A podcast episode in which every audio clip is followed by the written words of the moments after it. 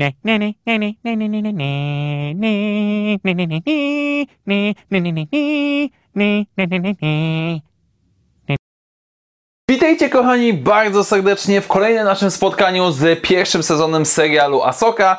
Zdecydowanie będą kolejne, bo biorąc pod uwagę to, co dzisiaj dostajemy w odcinku, no to nie ma bata, żeby cała ta historia zamknęła się w przyszłotygodniowym finale. I dzisiaj będziemy zajmować się oczywiście siódmym odcinkiem i przejdziemy od razu do omówienia, e, ponieważ nie było za bardzo zbyt wielu jakichś komentarzy pod poprzednim materiałem, nieco spóźnionym. Nie wiem, czy wynikało to z tego, że mniej więcej się wszyscy zgadzaliśmy co do większości rzeczy, czy powiedzmy w sobotę, kilka dni po premierze sprawiło, że nie byliście tak chętni do komentowania. Tak więc, moi drodzy, nie przedłużając, dziś będziemy zajmować się odcinkiem siódmym i tylko przypomnę, że w przyszłym tygodniu w środę dostaniecie wrażenia z ósmego odcinka, a dzień później wrzucę dla Was, e, czy ewentualnie dwa dni później, wrzucę dla Was podsumowanie całego sezonu i jestem święcie przekonany, że to nie będzie moje ostatnie podsumowanie, bo pewnie w ramach innych moich aktywności również będziemy podsumować ten sezon, ale już teraz to jest pieśń przyszłości. Natomiast dziś zajmijmy się siódmym odcinkiem pierwszego sezonu serialu Asoka. I jakiś czas temu ktoś z Was w komentarzach zwrócił uwa- zwrócił mi uwagę, że może lepiej będzie, jeżeli będę zaczynał od plusów, a,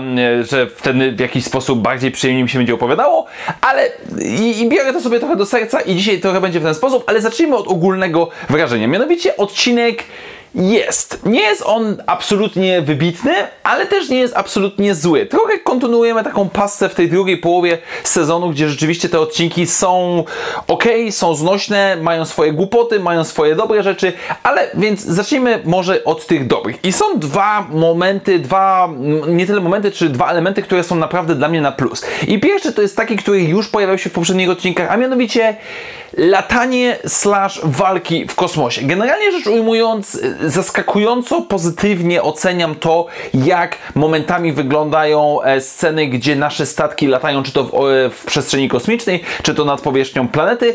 Naprawdę ładnie to wygląda. Naprawdę są momenty, gdzie wygląda to może nie tyle na poziomie filmowym, co wygląda na poziomie naprawdę profesjonalnym i widać pewnego rodzaju, powiedziałbym, postęp, em, który widzimy od pierwszego sezonu Mando. Więc tutaj jakby najbardziej, to jest jak najbardziej na plus. Z drugiej strony czasami bawi mnie, jak mamy bardzo ładne ujęcie, kiedy statek sobie leci, walczy, strzela, cokolwiek robi, a potem mamy przeskok do tego, jak nasi em, bohaterowie, czy jacyś tam piloci siedzą w kokpicie. I to jest czasami takie strasznie, e, strasznie wybijające, ale nie będę się tego czepiał, absolutnie. E, statki jak najbardziej na plus. Natomiast drugą rzeczą, która bardzo podobała mi się w tym odcinku i nie jest to coś, co mogę Wam bardzo mocno uargumentować, po prostu spodobała mi się i, i jest Ezra. A nie wiem, czy to ze względu na charyzmę bohatera, czy też aktora, czy też na jego grę aktorską. Jakoś podoba mi się ta wersja tej postaci, bo generalnie rzecz biorąc Ezra Bridger nie był nigdy jakąś moją uwielbianą postacią, nie miałem z nim absolutnie żadnego problemu, akceptowałem całkowicie fakt tego, że jest nastolatkiem, który powiedzmy no, jest nastolatkiem w serialu Rebels, natomiast tutaj no, jest już dojrzałym facetem, który ma trochę podobieństwa do tego Ezry z przeszłości, ale jest tak naprawdę dla mnie niemal całkowicie nową postacią. I ja tą postać kupuję. O, od pierwszych minut praktycznie, kiedy pojawia się w tym odcinku, kiedy wypowiada się, prowadzi dialogi, e, jest jakiś, jest jakiś charyzmatyczny, jest pewnego rodzaju e, napędzany tą nadzieją, tą radością tego, że wróci do naszej galaktyki. Jest zabawny. E, jego reakcja na to, że Sabine została uczennicą Asoki jest czystym złotem, bo mniej więcej tak samo ja powiedzmy zareagowałem, kiedy to usłyszałem, bo Ezra po prostu nie może w to uwierzyć. E, bardzo mnie to bawi. I generalnie rzecz ujmując, są tutaj elementy, które po prostu ta postać mi się podoba. Nie wiem, rozmawiałem z moim znajomym, który stwierdził, że e, Ezra trochę sprawia wrażenie, że e, jakby Dave Filoni nie wiedział, jak go poprowadzić te kilka, kilkanaście lat później po Rebelsach. Mogę to częściowo zrozumieć, ale mi to nie przeszkadza. Jakby najzwyczajniej w świecie tego naszego Mojżesza, który podróżuje sobie z e, bandą kamiennych ludzi w kamiennych pojazdach pancernych, po prostu mi, mi się podoba. I, I sam fakt tego, że Ezra w pewien sposób nie walczy mieczem świetnym, a nie walczy blasterem, jest y, całkiem przyjemny.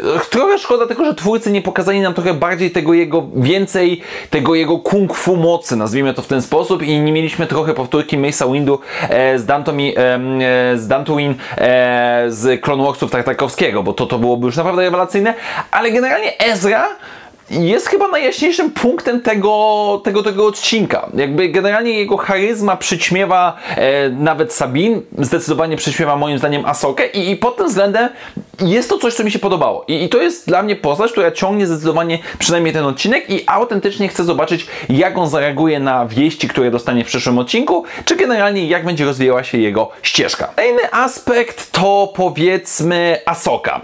I tutaj nie ma żadnej zmiany. Tutaj ja już chyba mogę porzucić wszelką nadzieję, że w jakiś sposób ten, ta postać trafi do mnie, bo, bo nie trafia. Tak jak przed chwilą zachwycałem się, czy chwaliłem powiedzmy jakąś charyzmę, aktorstwo bijące od, od aktora, który wciela się w postać Ezry, ze strony Asoki cały czas czuję to drewno. Cały czas czuję to, że nawet za bardzo tej przemiany nie widać. Oczywiście ona jest, jej konflikt z Balenem, czy też powiedzmy jej potyczka z Balenem jest jasno zaznaczone, pokazane, że ona się trochę zmieniła, ale nie kupuję tego. Cały czas ta taka zamyślona, tajemnicza Asoka nie przemawia do mnie w żaden sposób. Jej trening początkowy ym, z holokronem Anakina z jednej strony jest trochę dziwne, bo te pozy nie wyglądają jakoś tak bardzo skomplikowanie, ale dobra, nie znam się na sztukach walki, więc może rzeczywiście takie skupienie przy jakichś formach walki mieczami jest potrzebne. Z drugiej strony sama scena jest, jest takim bardzo, bardzo, bardzo niedyskretnym mrugnięciem okiem w stronę e, fanów e, Wojen Klonów, bo oczywiście Anakin musi powiedzieć, że może na swojej drodze spotkasz generała Grievousa, może Asajj Ventress, a nawet hrabiego Duku. Swoją drogą tak mały off zawsze mnie bawiło, że bardzo prawdopodobne jest, że w tym konflikcie, jakim były wojny klonów, toczonym na e, setkach różnego rodzaju planet, ty, jedna z kilkuset padałanek, akurat spotkasz jedną postać, przywódcę najwyższy całych separatystów. Zawsze mnie to bawiło, ale wrac, wrócimy do... do Asoki. Generalnie Asoka jest i nic się nie zmieniło, więc ja jej cały czas nie kupuję i za bardzo nie trafia do mnie. Huyang jest Huyangiem i jest jak najbardziej w porządku i jest, jest git. Natomiast chciałem odnieść się trochę do walk na miecze świetne, bo generalnie, tak jak w poprzednich odcinkach, nie uważałem tych walk za miecze świetne za jakieś wybitne, rewelacyjne i powiem szczerze, nie za bardzo rozumiem zachwyty w internecie. Tak dzisiaj mamy kontynuację tej ścieżki. Jakby znów te walki są są, ok, czasami są lepiej nakręcone, czasami są gorzej nakręcone, ale jest jedna rzecz, która mnie bawi niesamowicie, bo mamy, nazwijmy to, prequelową szkołę walki na mieczy świetną, tak? Czyli to, co mieliśmy w epizodach 1, 2, 3, gdzie bardzo często te walki są efekciarskie, są super, e, muzyka, tempo e, w tle, ale kiedy przyjrzymy się tym walkom, no to doskonale możemy zobaczyć momenty, kiedy, nie wiem, jedno pchnięcie mieczem załatwiłoby przeciwnika od razu. Czy to w Duel of the Fates, czy to w pojedynku Anakina Obi-Wana, jakby nie mam z tym problemu, bo tak to wygląda. Stage fighting w ten sposób wygląda.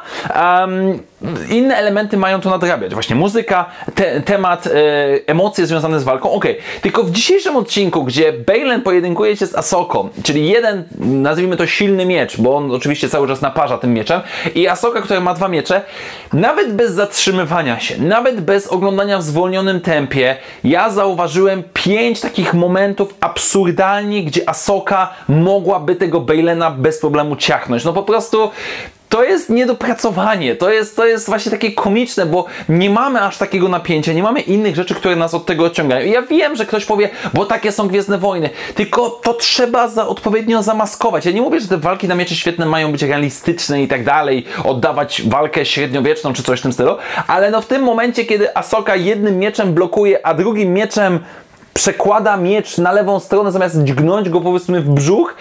Ech, dobra, jakby trochę się wiem, że czepiam, ale, ale to było po prostu źle wykonane. Jeżeli chodzi o pojedynek Iwanki Trump, całkiem niezła rzecz, kiedy konfrontowała się z Asoko, z Ezrą i Sabin, kiedy y, ta nasza dwójka musiała w pewien sposób połączyć swoje moce, więc tu wypada na plus, no ale tak jak od, od, tego co zaczynałem, Asoka jest po prostu powiedzmy Asoką i tyle. I teraz będzie nieco większa sekcja, a mianowicie nazwijmy ją złole, bo, bo tutaj będą te wszystkie elementy, które nam się będą nakładać. I zacznijmy od e, tej, która jest chyba najbardziej intrygująca i ta, która najbardziej mnie zastanawia, czyli Balen. Balen, który, well, porzuca wszystkich. Porzuca swoją uczennicę, daje jej lekcję, na ostatnią naukę na odchodne, który daje jej pewnego rodzaju em, prikaz, że ma sięgnąć po tą swoją chwałę z Imperium i wyrusza w jakąś swoją drogę. Nie wiemy za bardzo w jaką drogę, a bo w sumie wszyscy są trochę tym zaskoczeni, bo wydaje mi się, że nawet Asoka i jej ekipa jest zaskoczona, że Iwanka jest sama, a chociaż Asoka walczyła z Bailenem, no to nie jest aż taki problem. Traun jest zdziwiony z Morganą, gdzie jest właściwie Bailen, a Bailen no nie wiemy co. Nie wiem, czy on powiedzmy popadnie w jakieś szaleństwo, tak jak zakładałem e, i na tej planecie pójdzie w jakieś nieznane rejony, żeby tam powiedzmy zginąć od czegoś, nie wiemy, zobaczymy. Jest to intrygujące. Trochę się boję, trochę się boję, że wyjaśnienie tego będzie jakieś takie absurdalnie prostackie, na zasadzie on ma przeczucie i zła energia tej planety go zabije, czy coś w tym stylu. A zobaczymy, pożyjemy, zobaczymy. Jeżeli chodzi o Trauna, Mam trochę déjà vu z poprzedniego odcinka, yy, bo tak jak w poprzednim odcinku Traun był i po prostu był lekko kompetentny, tutaj znowu jest lekko kompetentny z bogatym słownictwem. Jakby dobra, jego plan, jego założenia wyglądają całkiem ok, w porządku. I tyle. Nic więcej negatywnego, pozytywnego nie pokazał. Widzimy ten jego magiczny pasek ładowania e, trumien, pojemników, pudełek, nie wiem jak nazwać, do, na pokład Chimery swoją drogą, jakby zdecydowanie szturmowcy mogliby trochę truchtać przy tym, żeby było szybciej, ale generalnie rzecz ujmując jest, jest ok.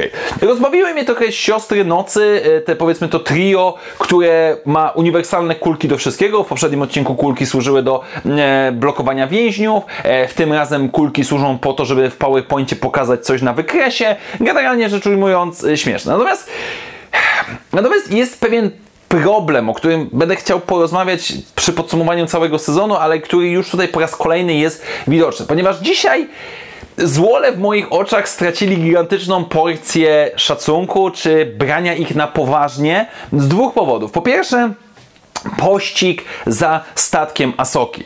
Okej, okay. to, że na początku oni wlatują w te pole e, kości, nazwijmy to w ten sposób, to cmentarzysko i statki za nimi wycofują się albo rozbijają się, okej, okay, dobra, to jest standardowy motyw. Ale potem, kiedy nasz statek wylatuje, statek Asoki wylatuje z tego, nasi przeciwnicy chyba z 15 minut ich gonią.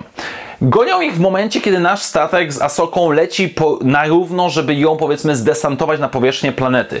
Potem on nawet do nich nie atakuje, a oni cały czas nie potrafią go zestrzelić. I ja wiem, że to jest plot armor, ja wiem, że tak to powinno wypadać, ale no ja bym zwolnił takich pilotów, no przecież to jest tak absurdalnie słabe i tragiczne, że to jest głowa mała. No, no po prostu jest przesadzone. Jakby nie wiem, gdyby oni jakoś zgubili te statki, czy cokolwiek, nie wiem, whatever. Z drugiej strony mamy tych szturmowców. Wszyscy się zastanawiali, czy to są zombiaki, czy to są jacyś szaleńcy, którzy podążają za traunem w ciemno, czy to są jacyś, nie wiem, um, Night Sisterki przebrane, whatever, cokolwiek, jakiekolwiek były teorie, chyba są nic nie warte. Znaczy się, mamy do czynienia ze zwykłymi ludźmi, którzy po raz kolejny są bezwartościowymi żołnierzami. Bo to, że dwa oddziały, dwa powiedzmy desantowe statki przelatują ze szturmowcami, wyrzucają tych szturmowców, Ci szturmowcy oczywiście są potem masakrowani przez ziomeczka bez e, blastera, bez kijka, bez niczego. E, I sam fakt tego, że Ezra, który przez lata mieszka z pacyfistycznym, czy powiedzmy pokojowo nastawionym plemieniem, które co najwyżej może rzucać kamieniami, nie ma swojego miecza świetnego, nie ma zakładam żadnego blastera i oni do tej pory go nie dorwali, to albo świadczy o tym, że Traun pozwolił mu uciec, co okej, okay, da się, da się prze, y, przełknąć, albo Imperium jest całkowicie niekompetentne. Swoją drogą piraci też, bo pytanie jak piraci to zrobili. Y, też nie pokonali tych, tych, tych mieszkańców w żaden sposób. E, generalnie rzecz ujmując, całe to Imperium wygląda dla mnie znów kreskówkowo. Znowu, co z tego, że mamy 20 szturmowców, skoro ci szturmowcy schodzą jak małe dzieci, bo nasi bohaterowie muszą ich wszystkich wyrżnąć. I znowu całe to budowanie napięcia, tej dziwności, inności z poprzedniego odcinku ostaje się co najwyżej przy Traunie. Traun jest jako jedyny kompetentny, bo szturmowcy znowu niczym w sezonach Boby czy, czy Mando dostają w piernicz, nikomu nic praktycznie nie robią i, i, i tyle. Generalnie rzecz ujmując, um, Znowu jest takie wrażenie, aha, dobra, czyli, czyli imperium jest standardowym imperium i, i nic z tego nie wychodzi i z jednej strony plot armor z tym statkiem, z drugiej strony ta cała akcja, która jest całkiem niezła. Jakby żeby nie było, design tych, posta- tych statków, tych, tych naszych kraboludzi i tak dalej jest jak najbardziej przyjemny. Sama akcja jest całkiem nieźle na, nakręcona, ale fakt tego, że przez te wszystkie lata Ezra się ukrywał i nie mógł zostać zdoby- pokonany przez Imperium, przy, nawet przez tych cholernych piratów zwykłych, którzy mogliby go zastrzelić, to wszystko jest takie e, kreskówkowe. To znowu mam wrażenie, że gdyby to było w Rebelsach, gdyby to w Clone to jeszcze w jakiś sposób mógłbym to przełknąć, ale w serialu aktorskim to sprawia, że no jedyne, kto budzi w jakiś sposób podziw, czy powiedzmy poczucie zagrożenia, to jest rzeczywiście Traun, ewentualnie może trochę Morgana. Balena nie liczę, bo Balen to jest osobny wątek i, i tyle. Generalnie rzecz ujmując, Imperium Imperium szkoda, że znowu wróciło do bycia chłopcem, do bicia niczym więcej. I, I, nie wiem na przykład, dlaczego oni tych statków nie podnieśli, nie zbombardowali Ezry, Sabiny i Asoki z powietrza. Mogliby to zrobić. No ale dobra, nieważne, stało co się stało i tyle. I na sam koniec omawiania dzisiejszego odcinka zostawiam sobie creme de la creme. Coś, co wywołało we mnie pewnego rodzaju rozbawienie, ale też takie powiedzmy poczucie uroku e, do twórczości Dave'a Filoniego. A mianowicie mówię tutaj o scenie otwierającej, czyli sąd nad Herą. Scena, która jest pewnego rodzaju, można założyć, jest zamknięciem wątku Hery, która była w tym sezonie postacią drugoplanową, której trzeba było w jakiś sposób domknąć i przygotować ją ewentualnie do następnego sezonu. Bo ja zakładam, że w następnym odcinku Hery już raczej nie będzie, jej wątek został rozwiązany. Generalnie scena, która jest też dodatkowo miała pokazać po raz kolejny, że Nowa Republika jest e, skostniałą, powiedzmy, biurokracją, że są rzeczy, które nie działają i tak dalej, i tak dalej. I okej, okay, samo założenie nie jest problemem, tylko to, jak ta scena jest napisana, to jest tak słodziutko głupie. To jest tak wyciągnięte żywcem z Rebelsów, Clone Warsów, czy nawet Resistance'u bym powiedział, że to po prostu aż, aż, aż aż mi, się, aż mi się słodko zrobiło na ten widok, bo generalnie rzecz ujmując, cała konfrontacja skupia się wokół jednego senatora e, z, z Jono i Harry, którzy tak naprawdę mówią pani nie ma racji, pani powinna zostać do sądu, ale to pan nie ma racji, nie, pani nie ma racji i oni się tak przekrzykują, przekrzykują, przekrzykują.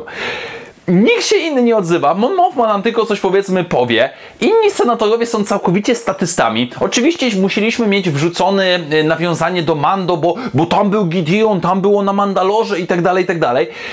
I to jest niesamowite. Cała scena, która mogłaby być dobrze napisana, żeby pokazać, ok, tą nową republikę, pokazać jakiś konflikt między tymi dwoma stronami, jakieś... Nie! Zostało to sprowadzone do absurdalnego poziomu, gdzie obie strony mogłyby bezpośrednio użyć argumentów, które pojawiają się w tym sezonie, bo z jednej strony Hera, tak jak niektórzy z Was zaznaczyli, mogła przypomnieć, że ej, moi drodzy, zagrożenie jest realne, bo dwóch typów z mieczami świetlnymi, czerwonymi albo powiedzmy ciemnopomarańczymi, wbiło w pierwszym odcinku na wasz statek, wybiło wam oficerów, wybiło wam załogę, uszkodziło ten statek.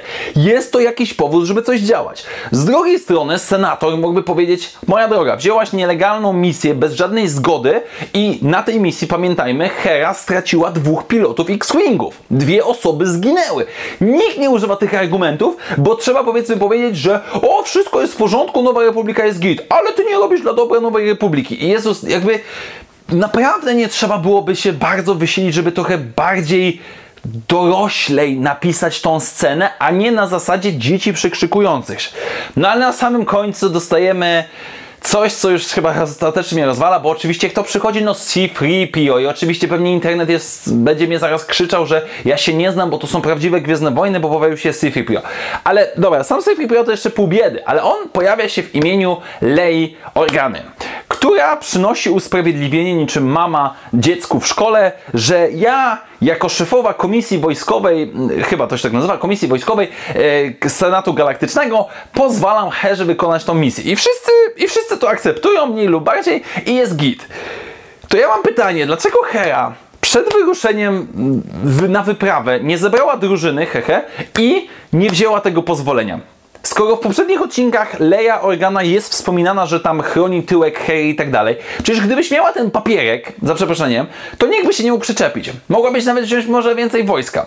to jest generalnie rzecz mówiąc niesamowite, jak płytki jest ten wątek. To jest, to można byłoby, nie wiem, dorzucić do tego jakiś wywiad wojskowy. No przecież Nowa Republika ma wywiad wojskowy, oni się zajmują takimi rzeczami. Ja nie mówię o tym, że to miałoby być rozbudowane na trzy odcinki. Ja nie mówię, że to miałoby być powtórka z Andora. Nie, ale pojedyncze zdania, pojedyncze argumenty, żeby uatrakcyjnić ten dialog, a nie na zasadzie pani nie ma racji, pan nie ma racji, haha, mam papierek od lei, wszystko mi wolno i tyle. I potem to złowieszcze, że jak oceniasz zagrożenie względem Trauna? Przygotujmy się na najgorsze, ale liczmy na najlepsze. Jakby, okej, okay, i znów, gdyby, gdyby to była animacja, i wiedziałbym od początku, że mam do czynienia z rzeczą celowaną w nastolatków czy małe dzieci. Okej, okay, spoko. Ale w serialu aktorskim, gdzie ja oglądam dorosłych aktorów, niektórych z nawet całkiem niezłym dorobkiem, powiedzmy twórczym, którzy wyrzucają tego rodzaju teksty w tak absurdalnym otoczeniu, no, no rozwala mnie to. Jakby come on, postarajmy się napisać coś lepszego, coś bardziej, nawet to nie jest ambitne moim zdaniem, to jest, to jest podstawowy poziom. Generalnie ta scena, i wiem, że niektórzy pewnie zauważą, tak jak mój znajomy Bolek, którego pozdrawiam, że jest to jeden, prawie jeden do jednego scena z, ze starej trylogii Trauna z Legend. Nie wiem, nie pamiętam aż tak dokładnie, więc zakładam, że może tak jest. Mnie to nie interesuje, ale sama ta scena, rozumiem po co jest, ale można byłoby ją lepiej poprowadzić. Na napisać, no naprawdę się wysilić, a nie sprowadzać to do, no znów powtórzę się trochę, ale kreskówkowej potyczki, która ma nam pokazać, że politycy są źli, bo Nowa Republika jest, nie wiem, może nie skorumpowana, ale jest zastygnięta i tak dalej i jest biurokratyczna. Generalnie ta scena jest słodka, bo pokazuje, że Dave Filoni tak jak w niektórych aspektach trochę się rozwinął do przodu i niektóre rzeczy mu wychodzą lepiej, to nadal czasami to pisanie jest powiedzmy no cóż, na poziomie kreskówek. No dobrze, moi drodzy, tak więc pewnie już teraz rozgrzewacie e, palce, żeby napisać komentarz, jak bardzo się nie znam na stronie sądowej. Zapraszam bardzo serdecznie. Więc podsumowanie i zakończenie. Nie ma bata, żeby nie było drugiego sezonu. Nie wyobrażam sobie, żeby ilość tych wątków zamknąć nawet w godzinnym odcinku, bo tego jest mnóstwo. Mamy tutaj Bailena, który musi iść i znaleźć i zrobić to, co chłop musi zrobić. Musimy mieć naszą ekipę, która w jakiś sposób albo na pokładzie chimery, albo w inny sposób będzie chciała wrócić i w ogóle Ezra trzeba wytłumaczyć całą sytuację. Mamy ładowanie tych skrzyń, mamy odlecenie chimery, e, no i jest tego mnóstwo. Jakby jest naprawdę tego dużo wątków i nie ma bata, żeby na przykład Traum w następnym odcinku wybuchnął razem całą z chimerą. Tak jak mówiłem, e, znaczy, tak jak mówiłem na innym spotkaniu, tak mówię teraz, nie ma też bata, żeby Traum zginął w następnym odcinku, więc będzie to w jakiś sposób kontynuowane. Jak to będzie? Nie wiem. I to jest trochę fajne, bo mimo wszystko autentycznie, dobra, zakładam, że Chimera wróci do naszej Galaktyki, nasi bohaterowie też wrócą, ale są wątki, na które czekam. Jak zareaguje Ezra, jak co zrobi Balen tak właściwie, o co chodzi z tymi dziwnymi kontenerkami, więc jest o dziwo czekam na finał. Mimo wszystko, mimo różnego rodzaju problemów i uwag do tego serialu, w jakiś sposób czekam na finał, bo nawet są momenty, są elementy, które mnie zaintrygowały, więc generalnie ten siódmy odcinek nie był bardzo zły. A nie wiem, czy to już kwestia tego, że ja się przyzwyczaiłem, ale no jest okej. Okay. Jak na sokę, to, to powiedzmy w jakiś sposób się trzymamy, chociaż cały czas z tyłu głowy mam to samo pytanie, na które cały czas próbuję znaleźć odpowiedź. Dlaczego to nie jest animacja? Bo to spokojnie, z lepszym efektem mogła być animacja, no ale cóż, przekonamy się, ewentualnie ktoś z Was napisze mi w komentarzu swoją opinię. Tak więc dziękuję Wam bardzo serdecznie, moi drodzy, za dzisiejsze spotkanie. Standardowo przypominam, że jeżeli podoba się to, co robię na kanale, możecie wesprzeć moją działalność, stawiając mi wirtualną kawę, do której link znajdziecie w opisie tego materiału. Jeszcze raz wielkie dzięki, do zobaczenia wkrótce w następnych materiałach i jak zawsze niech moc będzie z Wami. Na razie, cześć!